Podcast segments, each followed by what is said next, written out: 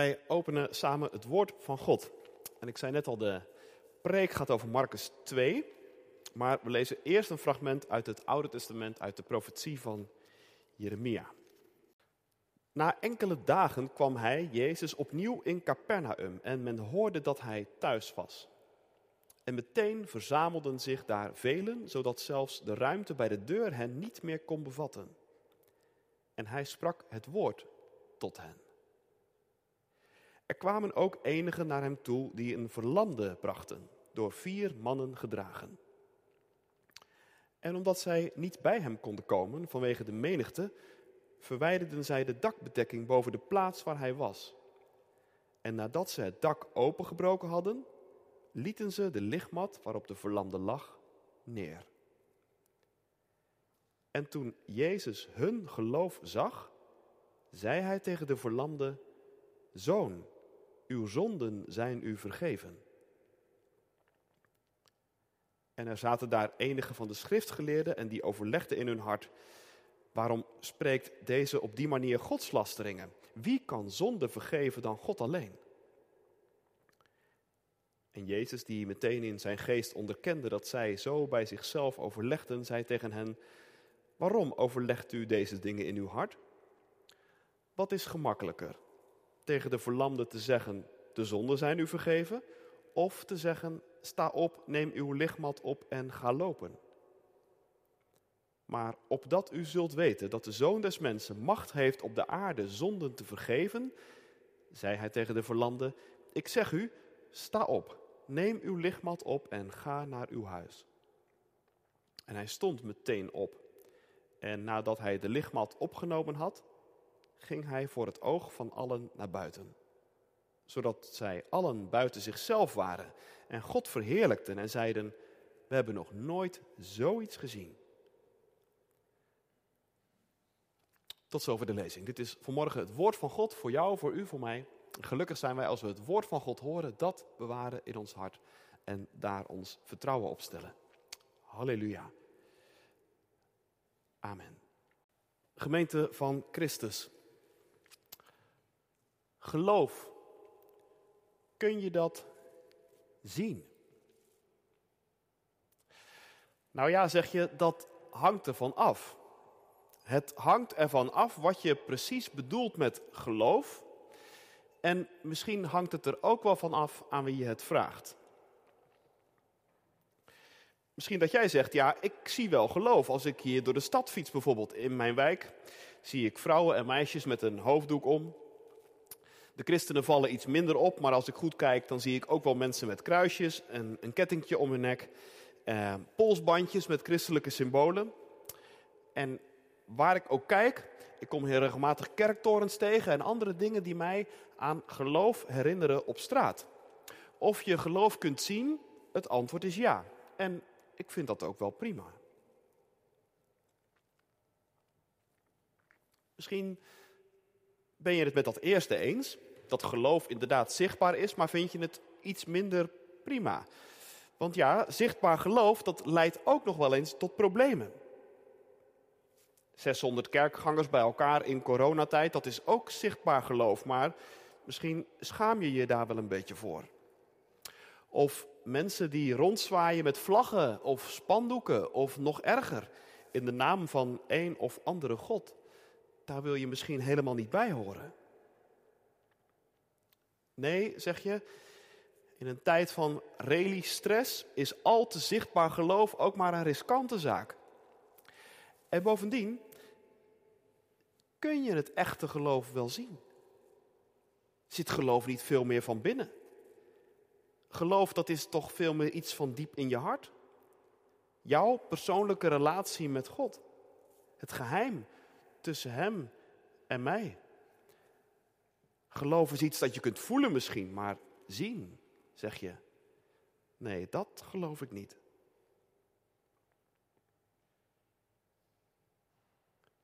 Toch, toch ziet Jezus geloof in Marcus 2.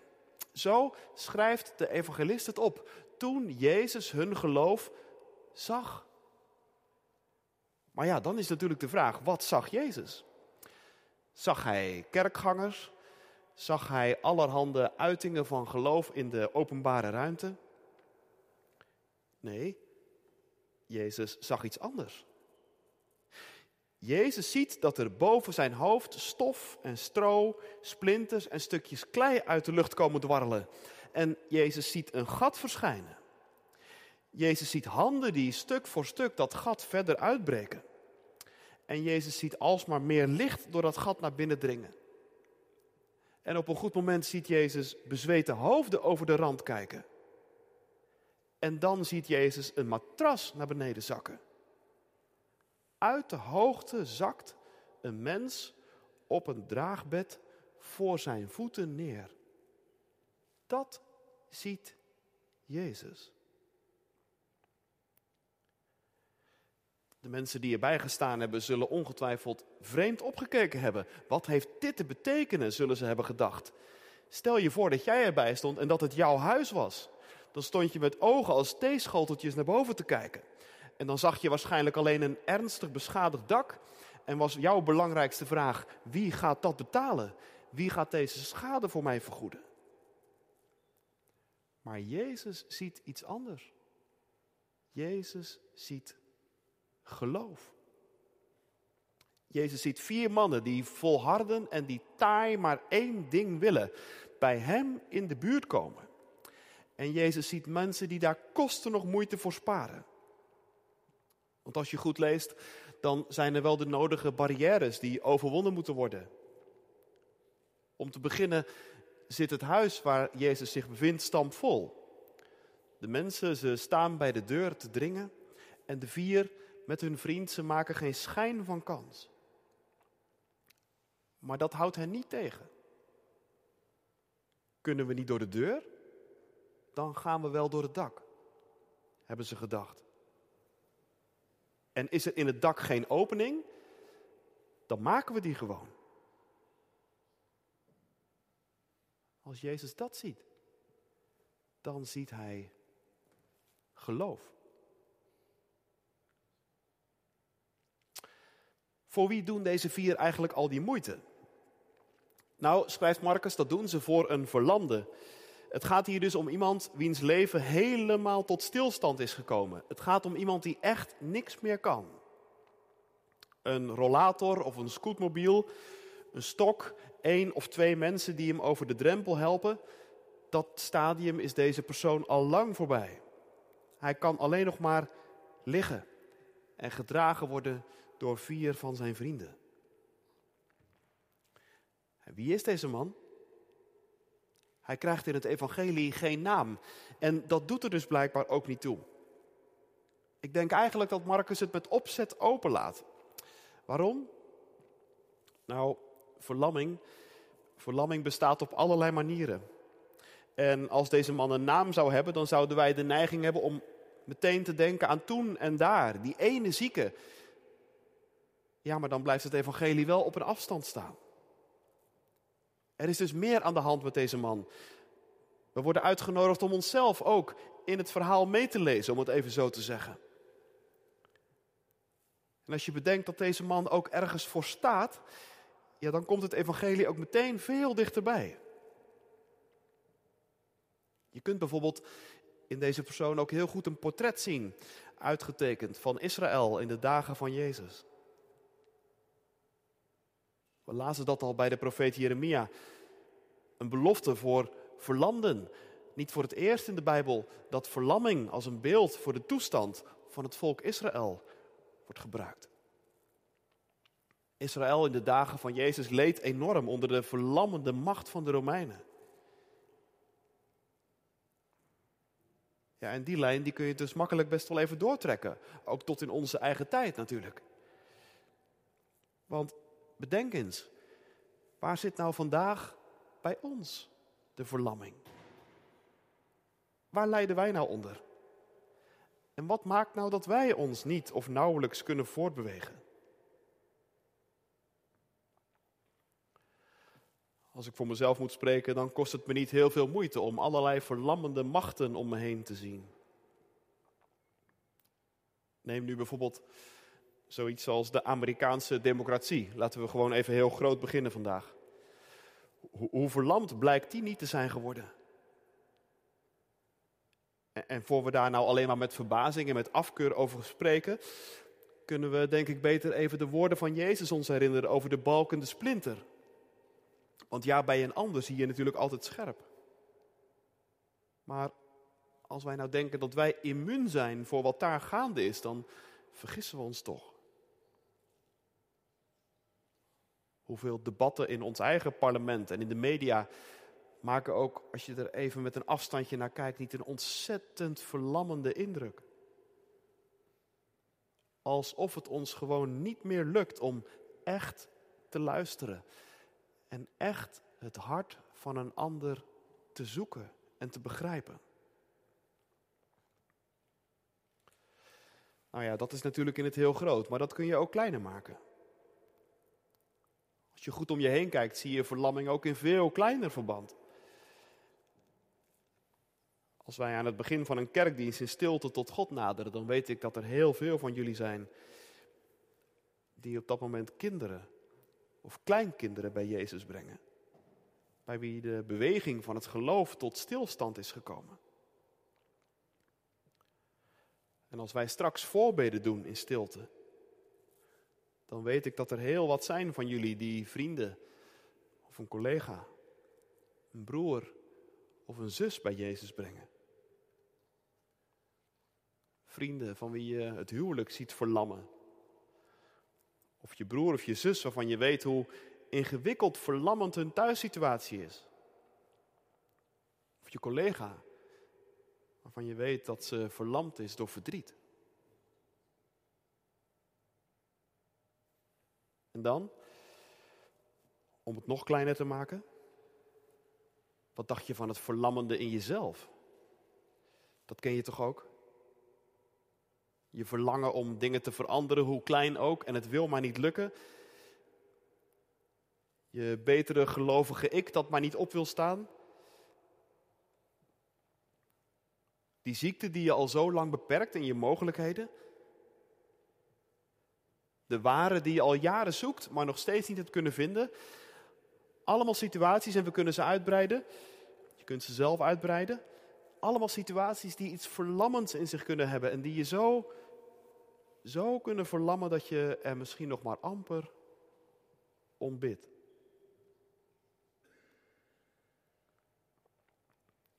Als je dat nou herkent, dan moet je goed opletten. Jezus ziet geloof in dit Bijbelgedeelte. Maar hij ziet niet zomaar geloof, hij ziet hun geloof, staat er. En dat schrijft Marcus heel bewust. En misschien was het je al opgevallen, misschien valt het je nu op en vind je het meteen eigenlijk ook wel vreemd. Hoe kan dat nou? Zou je dan ook misschien plaatsvervangend kunnen geloven? Wij hebben heel sterk de neiging, ik weet niet of je dat herkent, ik wel, om geloof toch als iets persoonlijks te zien. Iets waarvoor je ook misschien jezelf wel haast verantwoordelijk houdt. Dat je een oma had die een hele gelovige vrouw was, dat is natuurlijk mooi, maar daar heb jij niks aan. Zo denken wij vaak, maar als je de Bijbel gaat lezen, goed gaat lezen, dan merk je dat het in het evangelie heel vaak toch anders ligt. Het evangelie is juist vol van voorbeelden waarbij het geloof van de een tot redding is voor de ander. Als de Romeinse hoofdman bijvoorbeeld pleit voor het behoud van zijn knecht, dan zegt Jezus: Zo'n groot geloof heb ik in heel Israël nog nooit gevonden. En dan gaat het daarbij niet om het geloof van die knecht, maar van die hoofdman. Zo is het ook met de vader van de bezeten jongen die om ontferming roept voor zijn kind. En wat dacht je van Jairus met zijn gestorven dochtertje? Allemaal situaties waarin het geloof van de een tot redding is voor de ander. Zo is het ook hier. Blijkbaar hebben wij elkaar in het geloof nodig. Stel je eens voor dat die vier vrienden hadden gezegd tegen hun verlamde vriend: Sorry hoor, maar geloof dat is een persoonlijke zaak. Zie jij maar dat je bij Jezus komt. ja, dan zou er natuurlijk niets van terecht gekomen zijn. En deze vier vrienden weten heel goed dat je geloven niet alleen kunt. En dat is dan denk ik ook meteen het geheim van de christelijke gemeente. Misschien denk je wel eens, misschien ook juist in deze tijden, ja, de kerk, de gemeenschap, waar, heb ik dat eigenlijk voor? Kan ik geloven niet in mijn eentje? Nee dus. Het geheim van een christelijke gemeenschap is dat het een plek is waar anderen jou dragen door hun geloof. Waar anderen jou opdragen in hun gebed. Waar anderen jou laten delen in hun liefde.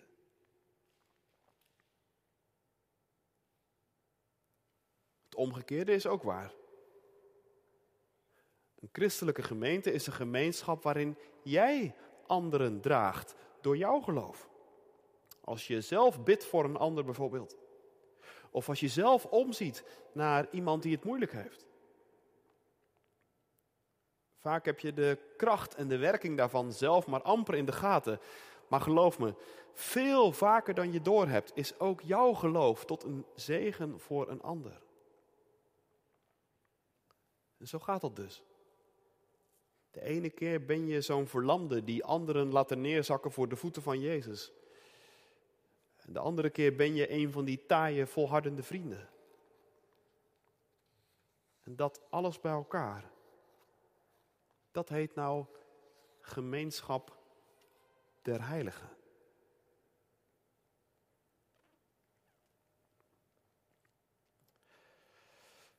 Goed. Maar wat heeft een verlamde nou vervolgens nodig? Daarover gaat het ook in dit stuk. Het gaat niet alleen over een man die genezen wordt, maar er zit nog iets tussen. Het is, zou je bijna kunnen zeggen, een soort sandwich-geschiedenis.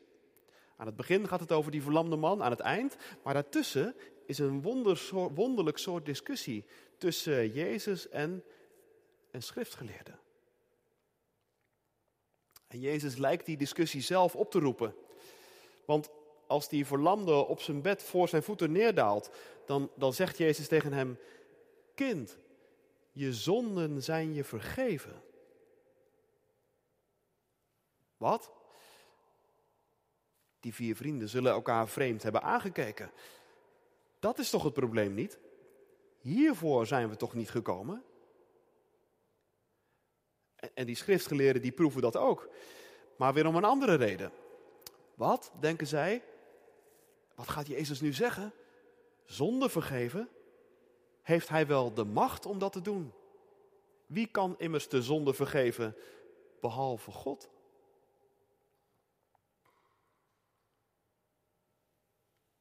Ik weet niet of je ook de neiging kent om al snel over die schriftgeleerden en die fariseeën een beetje te struikelen en je hoofd te schudden dat ze het nog steeds niet begrijpen. Maar dit is eigenlijk een heel terechte vraag van hen.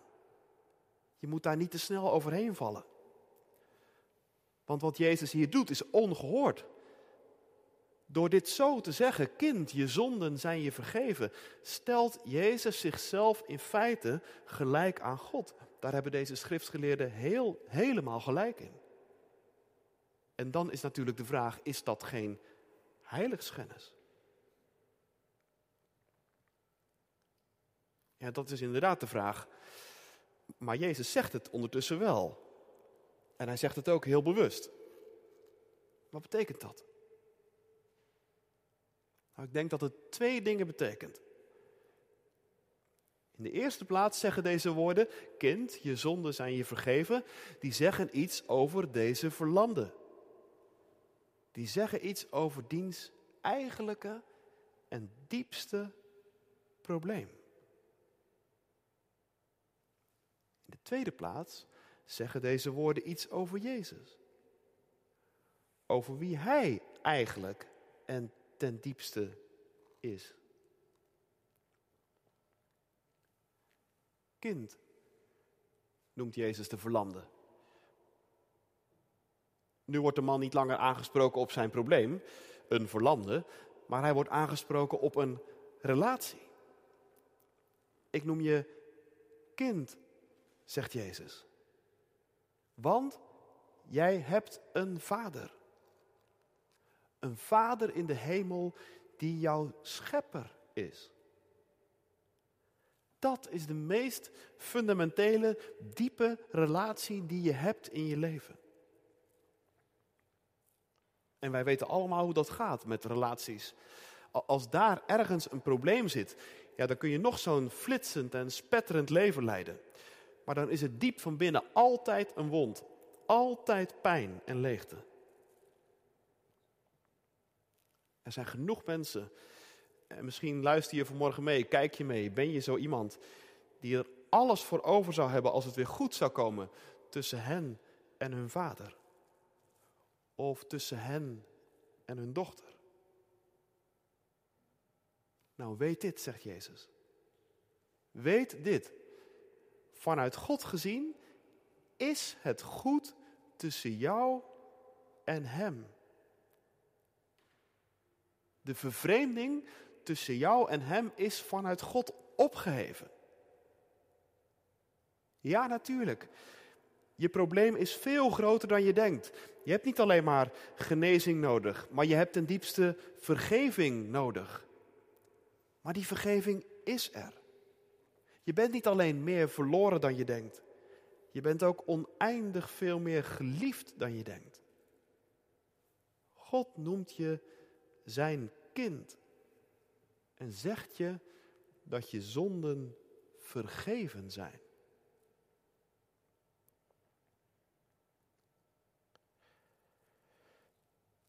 Nou ja, zeg je, dat vind ik eerlijk gezegd ook wel hele grote woorden. Zie je wel dat die schriftgeleerden heel vaak goede vragen stellen. Die stellen heel vaak de vragen die diep van binnen in ons hart ook wonen. Zij vonden dat ook. En ze vroegen zich af waar Jezus het gezag vandaan haalt om dat zomaar te zeggen. Nou, dat antwoord krijgen ze ook. Jezus zegt het in vers 10. Ik kan dit zeggen, zegt Jezus, omdat ik de mensenzoon ben, de zoon des mensen. En dat woord, misschien weet je dat, dat woord dat komt uit Daniel 7. En de profetie van Daniel werd in de dagen van Jezus heel veel gelezen. Dus dat woord dat riep meteen een hele wereld op bij deze mensen. De mensenzoon, dat is een belofte, een profetische gestalte. Iemand die heel dicht bij God staat, in feite aan hem gelijk is. En waarvan Daniel beloofde dat hij ooit komen zou en verschijnen. Nou, zegt Jezus, hier, hier sta ik voor je. Ik ben die mensenzoon. Ik ben die van God gezondene. En ik mag je verkondigen dat je zonden vergeven zijn. En vanmorgen sta ik hier voor jou. In de naam van Jezus. En mag ik het je op zijn gezag zeggen? Kind, je zonden zijn je vergeven.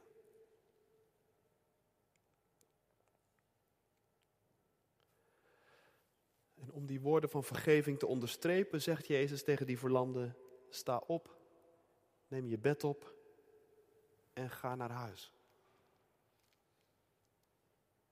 Kijk, dat is nou zo mooi van een woord van vergeving. Dat blijft nooit zonder gevolgen. Geloven dat je diepste relatie hersteld is. Geloven dat vanuit God het goed is tussen jou en Hem. Dat je zonden vergeven zijn. Dat maakt ons vrij. Dat maakt een einde aan de verlamming. Dat brengt water onder het schip. Dat brengt nieuwe beweging in de zaak. En nee, dat gaat bij ons niet altijd zo snel als dat het hier in het verhaal van Jezus gaat. Hier brengt het meteen een totale ommekeer. Kijk maar wat er met die jongen gebeurt. Niet langer draagt het bed de man, maar de man draagt het bed. En hij wandelt naar buiten in een totaal nieuw leven. Zo snel en zo radicaal gaat het bij ons niet vaak. Maar één ding is zeker. Vergeving brengt altijd heling met zich mee, genezing. Vergeving zorgt altijd voor nieuw water onder het schip. Vergeving zorgt altijd dat er weer nieuwe beweging in de zaak komt, dat de relaties hersteld worden en dat je verder kunt. Nou, dat voelen de mensen die het allemaal gezien hebben ook aan. Ongelooflijk zeggen ze aan het einde van het stuk. Dit hebben we nog nooit gezien. Maar wacht even. Wat hebben ze nu eigenlijk gezien? Probeer de beweging van het hoofdstuk nog één keer te zien. Ze hebben gezien dat er iemand afdaalde uit de hoge en ze hebben gezien dat er iemand opstond. Ze hebben gezien dat er een mens was die eigenlijk dezelfde beweging maakt die Jezus ook bezig is te maken. We hebben een paar weken geleden kerst gevierd en misschien wel gezongen. Dat lied waarin die zin staat dat Jezus van al zo hoge kwam. Nu zij het willen komen, Jezus lieve Heer, gij kwam van al zo hoge. Precies. En straks met Goede Vrijdag, dan zien we hoe diep Jezus afdaalde. En met Pasen vieren we hoe de bodem van het graf niet het einde bleek, maar een poort, een doorgang naar nieuw leven. Dat is in feite wat deze mensen nu al zien. Diezelfde beweging zien zij. En ze hebben ook gezien hoe vier vrienden daar al iets van aangevoeld hebben. Misschien nog maar amper, misschien nog maar half. Maar ze hebben in ieder geval gezien dat er vier mannen waren die taai en volhardend tegen de klippen op doorgingen. En iets deden wat op die beweging leek die Jezus zelf ook maakt. En dat hebben ze gedaan in geloof. In het geloof dat daar op de bodem niet het einde van alles zichtbaar zou worden, maar dat daar een woord zou klinken. Een woord, welk woord, dat wisten ze misschien niet eens, maar een woord van hoop. Een woord dat een ongehoord nieuw begin aanduidt. Dat hebben de mensen gezien.